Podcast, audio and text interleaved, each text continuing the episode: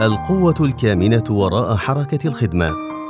بقلم فتح الله جلان لقد من الله علينا بنعم وعطايا لا تحصى.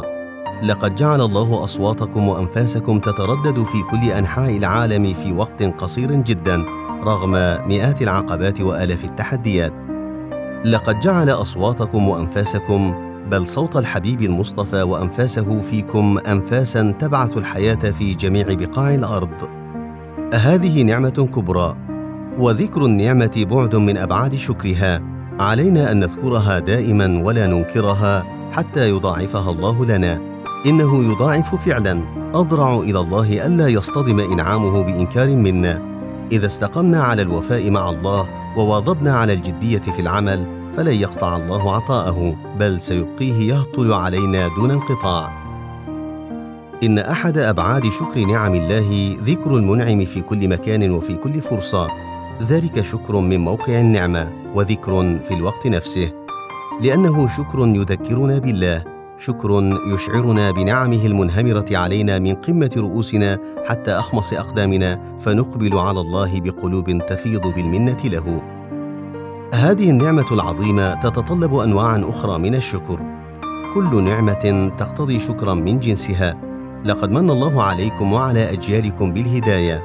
عليكم أن تشكروا هذه النعمة بالأخذ بيد الآخرين من أجل هدايتكم.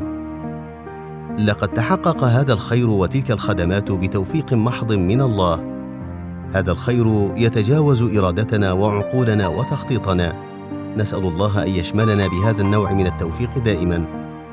لم يكن في خطتنا أن تفتح مدارس ومبيتات للطلبة وداخليات ومعاهد للتحضير الجامعي بهذا العدد والحجم. لم يكن في حسابنا أن يتضاعف عددها بهذه الصورة التراكمية. كان تقديرا من الله. لا أعتقد أن التوسع استدراج في حق المجموعة إن شاء الله. أعتقد أنه محض عطاء من الله. بعد ذلك تجاوز هذا الخير حدود تركيا ووصل إلى كل بقاع العالم. يتحدث الناس في أنحاء العالم عنكم يثنون على جهودكم. أنا واثق من أن حديث الثناء هذا لا يبعث العجب في نفوسكم لأن حديث الثناء يستهوي قلوب أسرى الأنانية فقط. الناس يثنون على أعمالكم يتطلعون إلى معرفة الأبطال الذين يقفون وراء هذه الخدمات الجليلة. سوف تذكركم الأجيال اللاحقة كذلك. وسوف يبقى هذا الخير لا يصيبه أي سوء ما بقيت الأجيال على العهد مع الله. أجل إنه لم يبق إلا مناطق قليلة في العالم. لقد حمل إخوانكم لواء هذه الخدمة اليوم كما حمله آباؤكم من قبل وساداتنا الصحب الكرام والتابعون العظام من قبلهم. العالم في شغف للتعرف على حامل هذا اللواء والقوة الكامنة وراءه. ولكن لا داعي للفضول الزائد. القوة الكامنة وراء هذا الخير هو الله.